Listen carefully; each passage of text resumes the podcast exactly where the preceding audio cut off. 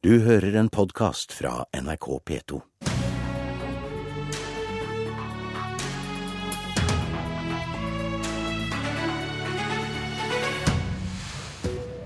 Forhandlerne er på vei til klimatoppmøtet i Paris. Det som skjer der er ikke nok. Det er behov for et nytt norsk klimaforlik på Stortinget, sier Arbeiderpartiet. Høyre svarer med å spørre om hva Ap egentlig har å bidra med i klimapolitikken. Og på den tredje gjestestolen i Politisk kvarter sitter Miljøpartiet De Grønne for å utøve opponentrolla. I helga reiser statsminister og miljøminister til Paris for å delta på FNs klimatoppmøte i Paris, der målet er en ny internasjonal klimaavtale om reduksjon i utslipp av klimagasser. I oppkjøringa til møtet har Arbeiderpartileder Jonas Gahr Støre vært ute i VG og tatt til orde for et nytt norsk klimaforlik. For å snakke om dette har vi med oss deg, Terje Aasland. Du er miljøpolitisk talsperson for Ap på Stortinget. God morgen. God morgen, god morgen. Vi hadde da klimaforliket i 2008 eh, og et eh, nytt i 2012. Hvorfor er det behov for enda et nytt forlik?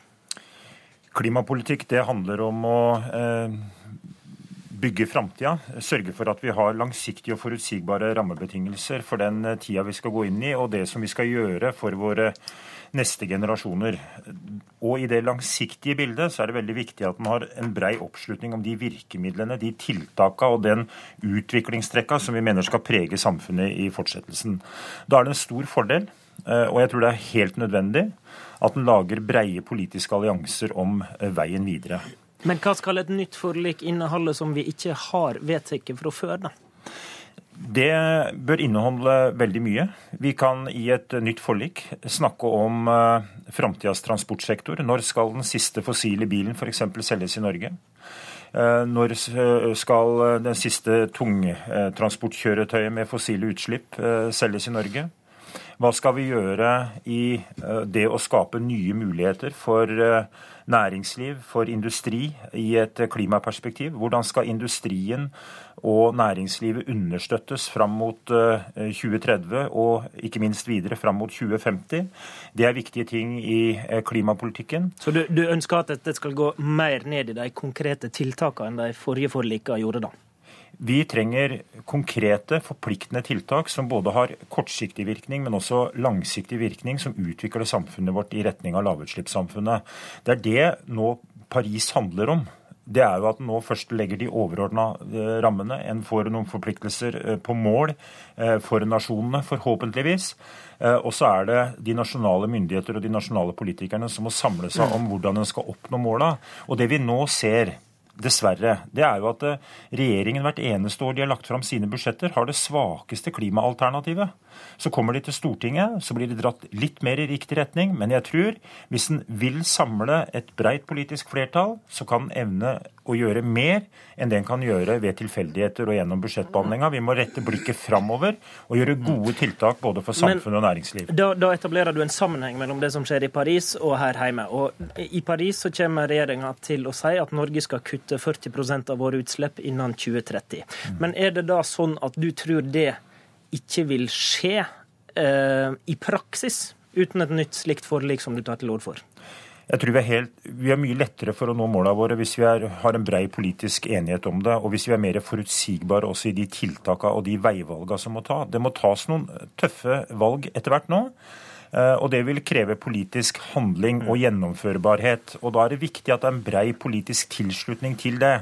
Det vil være mye lettere for en statsråd, enten det er en Høyre-statsråd eller en, en eh, Arbeiderparti-statsråd, i fortsettelsen å iverksette tiltak det er brei enighet om i Stortinget. Og jeg tror det er fornuftig og klokt at den nettopp har en brei tilslutning til det. fordi da favner vi mange flere områder, og det blir mye mer forutsigbart. Næringsliv, industri osv. vet hva de har å forholde seg til. Forstår.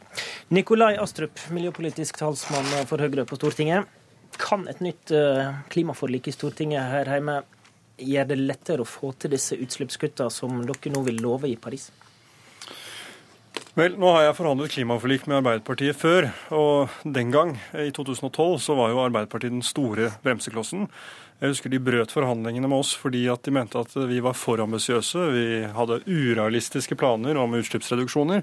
Men sannheten er jo at det vi la på bordet da, som de syntes var for mye, det gjennomfører jo eh, regjeringen og de borgerlige samarbeidspartiene nå. Men han argumenterer så, jo nettopp med at det kan forplikte han hvis, han, hvis hans parti tar over.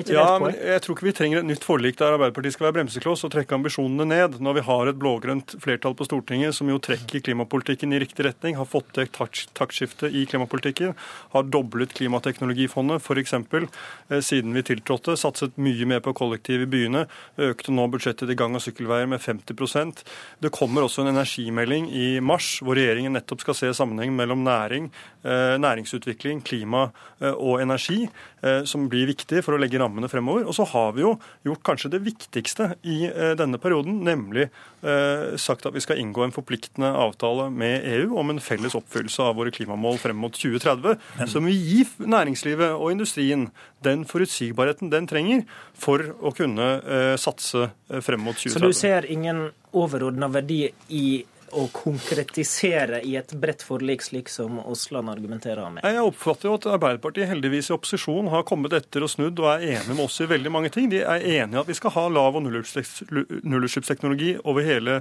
fjøla i transportsektoren. Og nå kommer jo det både i drosjer og i ferger og i busser og på tog eh, som en følge av både regjeringens politikk, dette står i regjeringserklæringen, men også som en følge av vedtak fattet i Stortinget av det blå-grønne flertallet. Og det er hyggelig at det røde alternativet ønsker å henge seg på.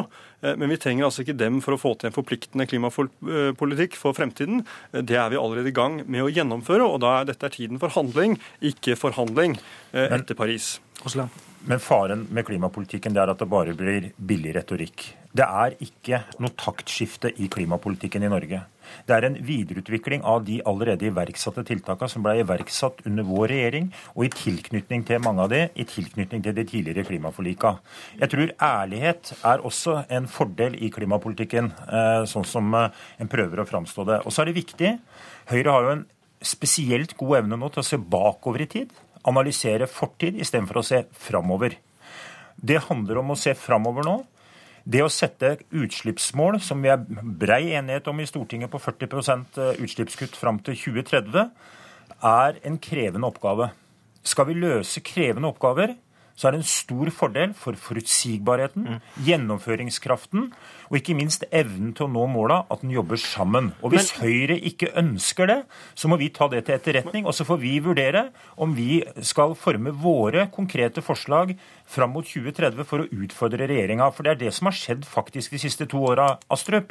Det er at Høyre gang på gang har blitt dratt etter i Stortinget, både av eh, KrF og Venstre, men ikke minst også av en samla opposisjon, på viktige klimatiltak for Norge. Astrup. Det handler om elektrifiseringa av Utsira, det handler om klimalov osv. osv. Astrup. Ja, jeg er helt uenig i, eh, i Aaslands fremstilling av, av, hvordan verden henger sammen. Eh, og jeg oppfatter heller ikke at Arbeiderpartiet har så veldig mye å bringe til bordet av nye tiltak som regjeringen ikke allerede er i gang med å gjennomføre. Det er bred tilslutning, heldigvis, til regjeringens politikk om at vi skal få til eh, nullutslipp i transportsektoren Eh, fremover. Og eh, det er bred enighet om de virkemidlene som regjeringen har foreslått for å gjennomføre det. Eh, vi ønsker å satse bl.a. på grønn skipsfart. Det oppfatter jeg at Stortinget er enig i. Vi ønsker å fase ut fossil energi av kollektivtransporten. Det oppfatter jeg at Stortinget er enig i. Det er bra, og det er positivt. Og så er det sånn, ja, det er riktig at, eh, at eh, Stortinget brakte på bane spørsmål om klimalov, og det må vel kanskje min sidemann her i studio, Rasmus Hansson, ta mye av æren for. Men regjeringen hadde allerede sendt det forslaget på høring da Stortinget eh, vedtok det.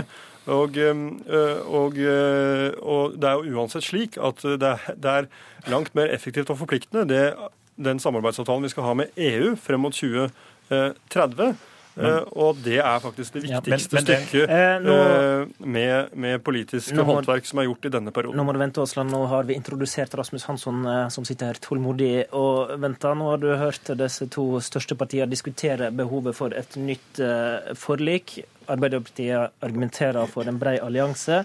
Eh, Astrup eh, argumenterer for at tiltakene som det er tilslutning om i Stortinget, er gode nok. Hvor plasserer du deg i denne diskusjonen? Ja, for det første er det jo stor stas hvis vi kan få eh, Arbeiderpartiet og Høyre til å begynne å konkurrere om klimapolitikk. Eh, hittil har de vært eh, tragisk enige om å la være å gjennomføre det klimaforliket de har vært enige om. Eh, resultatet av et klimaforlik som sier at Norge skal kutte 30% innen 2020, er jo at vi ikke har kutta noe som helst. Eh, og det er at, ja, det er at utslippene i transportsektoren har økt med 30% osv. Så, så klimaforliket er jo en kjempefiasko. Så Terje Aasland, Arbeiderpartiet, har jo rett i at det trengs noe mer enn klimaforliket. Mens Høyre i og for seg har rett i at det er ingenting som tyder på i den politikken Arbeiderpartiet foreløpig fører på Stortinget, at de har mye nytt å bringe til bordet. Men nå, hvis det er slik at Arbeiderpartiet er villig til å begynne å foreslå og stemme for konkrete tiltak, som øh, Terje Aasland stadig understreker, som vil gi konkrete utslippskutt. Hvis Arbeiderpartiet er villig til å utfordre Høyre på forpliktende reduksjon av utslippene på f.eks. samferdselssektoren, som blir veldig viktig. Og ikke bare snakke om grønn skipsfart samtidig som man skal bygge en fergefri E39 til 200 millioner kroner som skal komme til å hindre transport på sjøen. Det er, sant, det er, den typen problemer som eh, ligger under i klimapolitikken. At man gjør noe bra, og så sørger man for å gjøre det motsatte, som, eh, som ødelegger for eh, klimagevinsten. Mm. Så jeg syns at dette er, en, dette er, en, spennende diskusjon. Høyre og Arbeiderpartiet har begge to en lang vei å gå før de faktisk leverer en ordentlig klimapolitikk. Men du mener Men da, når du refererer til fortida, at det i seg sjøl, at det var et bredt forlik, er det egentlig ingen stor verdi i? Det har vist seg å øh, kanskje ha motsatt effekt, fordi at øh, alle de partiene som har vært med i klimaforliket, har vært så opptatt av å forsvare øh, klimaforliket at det er blitt viktigere for dem enn å være selvkritisk nok til å gjennomføre innholdet i klimaforliket. Klimaforliket er blitt en slags klam vått over norsk klimadebatt, fordi alle var så enige at de ikke tør å krangle åpent. Hvis vi nå får eh, Høyre og Arbeiderpartiet til faktisk å ha en forpliktende debatt om en offensiv klimapolitikk, så får vi kanskje eh, flytta norsk klimadebatt lenger i retning av der vi Miljøpartiet De Grønne vil ha den, og det er dit den må hvis den skal begynne å virke. Aasland, du snakka nettopp om dette med eh, ærlighet, og mye tyder på at klimamålsettingene for 2020 som Hansson er inne på nå, ikke blir nådd. Det har nettopp statsministeren denne veka vært ærlig på. Og da lurer jeg på, hva, hva hjelper da et nytt forlik, hvis dere som var bak det forrige, ikke kjenner dere forplikta på å oppfylle det?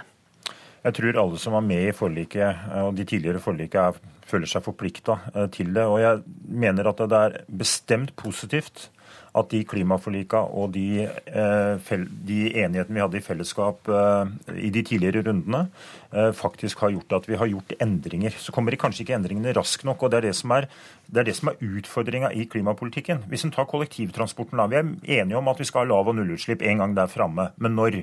Hvor raskt kan vi sette i gang virkemidlene? Ta fergene som vi vil elektrifisere i fellesskap på Stortinget. Men hvor raskt vil vi gjøre det? Vil vi bruke anledningen til å gjøre det nå, i en lavkonjunktur? Situasjon. Vi vil bruke det nå, sette inn virkemidler, sørge for at fylkeskommuner, kommuner osv. kan framskynde mm. kontraktsinngåelse, få nye ferger. Hvor kan vi gjøre det med kollektivtrafikken? Det er sånne elementer som går mye raskere, og som en kan legge mye mer trykk på hvis en har en brei politisk enighet om det. For da er en veldig tydelig på virkemiddelbruken, og det er helt avhengig å ha det for å lykkes med klimapolitikken. Ja, nå har jo Stortinget akkurat behandlet et, eh, eh, et, forslag om eh, nettopp at regjeringen skal iverksette tiltak som sikrer at alle nye fergestrekninger, når de legges ut på anbud eller ute i egen regi, skal ha null- eller lavutslippsteknologi fremover. Og dette er jo en oppfølging av det som står i regjeringserklæringen, og det er bred enighet om det i Stortinget, så det er veldig fint at, at Terje Aasland også er enig i det. Men, men det var jo men, vi som fremma det forslaget, Astrup. Ja, men det, det lå i regjeringserklæringen i, fra Sundvolden, så ja. jeg tror nå gjelder det å være, holde tunga rett i munnen, Terje Aasland. Men poenget er jo at målene i det klimaforliket vi har, er jo på mange måter erstattet av det Stortinget sluttet seg til, eh, om målene om 40% reduksjon i 2030 Eh, i samarbeid med EU. Det er et veldig godt mål. og Så gjelder det nå at vi klarer å fylle på med tiltak som gjør at det er mulig å nå det målet. Og Da handler det i bunn og grunn om at vi må få til en omstilling i transportsektoren. Vi må redusere utslippene i byggsektoren, og vi må gjøre noe med utslippene i landbruket. Og så eh, vil industriutslippene også komme inn under EUs kvotesystem. Ja, det som er realiteten, det er at det foreligger fra Miljødirektoratet og masse andre lange eh, rekker virker med helt konkrete forslag eh, om tiltak som vil gi helt konkrete kutt innen så og så lang tid. Disse forslagene har en del av dem blitt fremmet i Stortinget. De blir nedstemt av Høyre, de blir nedstemt av Arbeiderpartiet. Samtidig så planlegger Høyre å gjøre akkurat det samme som Arbeiderpartiet gjør, nemlig å løse veldig mye av klimaforpliktelsene sine ved å kjøpe kvoter. Og det er når det blir omvendt, når vi ikke kjøper kvoter, men gjennomfører tiltak i Stortinget, at klimapolitikken begynner å virke. Det er er det viktigste. Takk. Du har hørt en podkast fra NRK P2.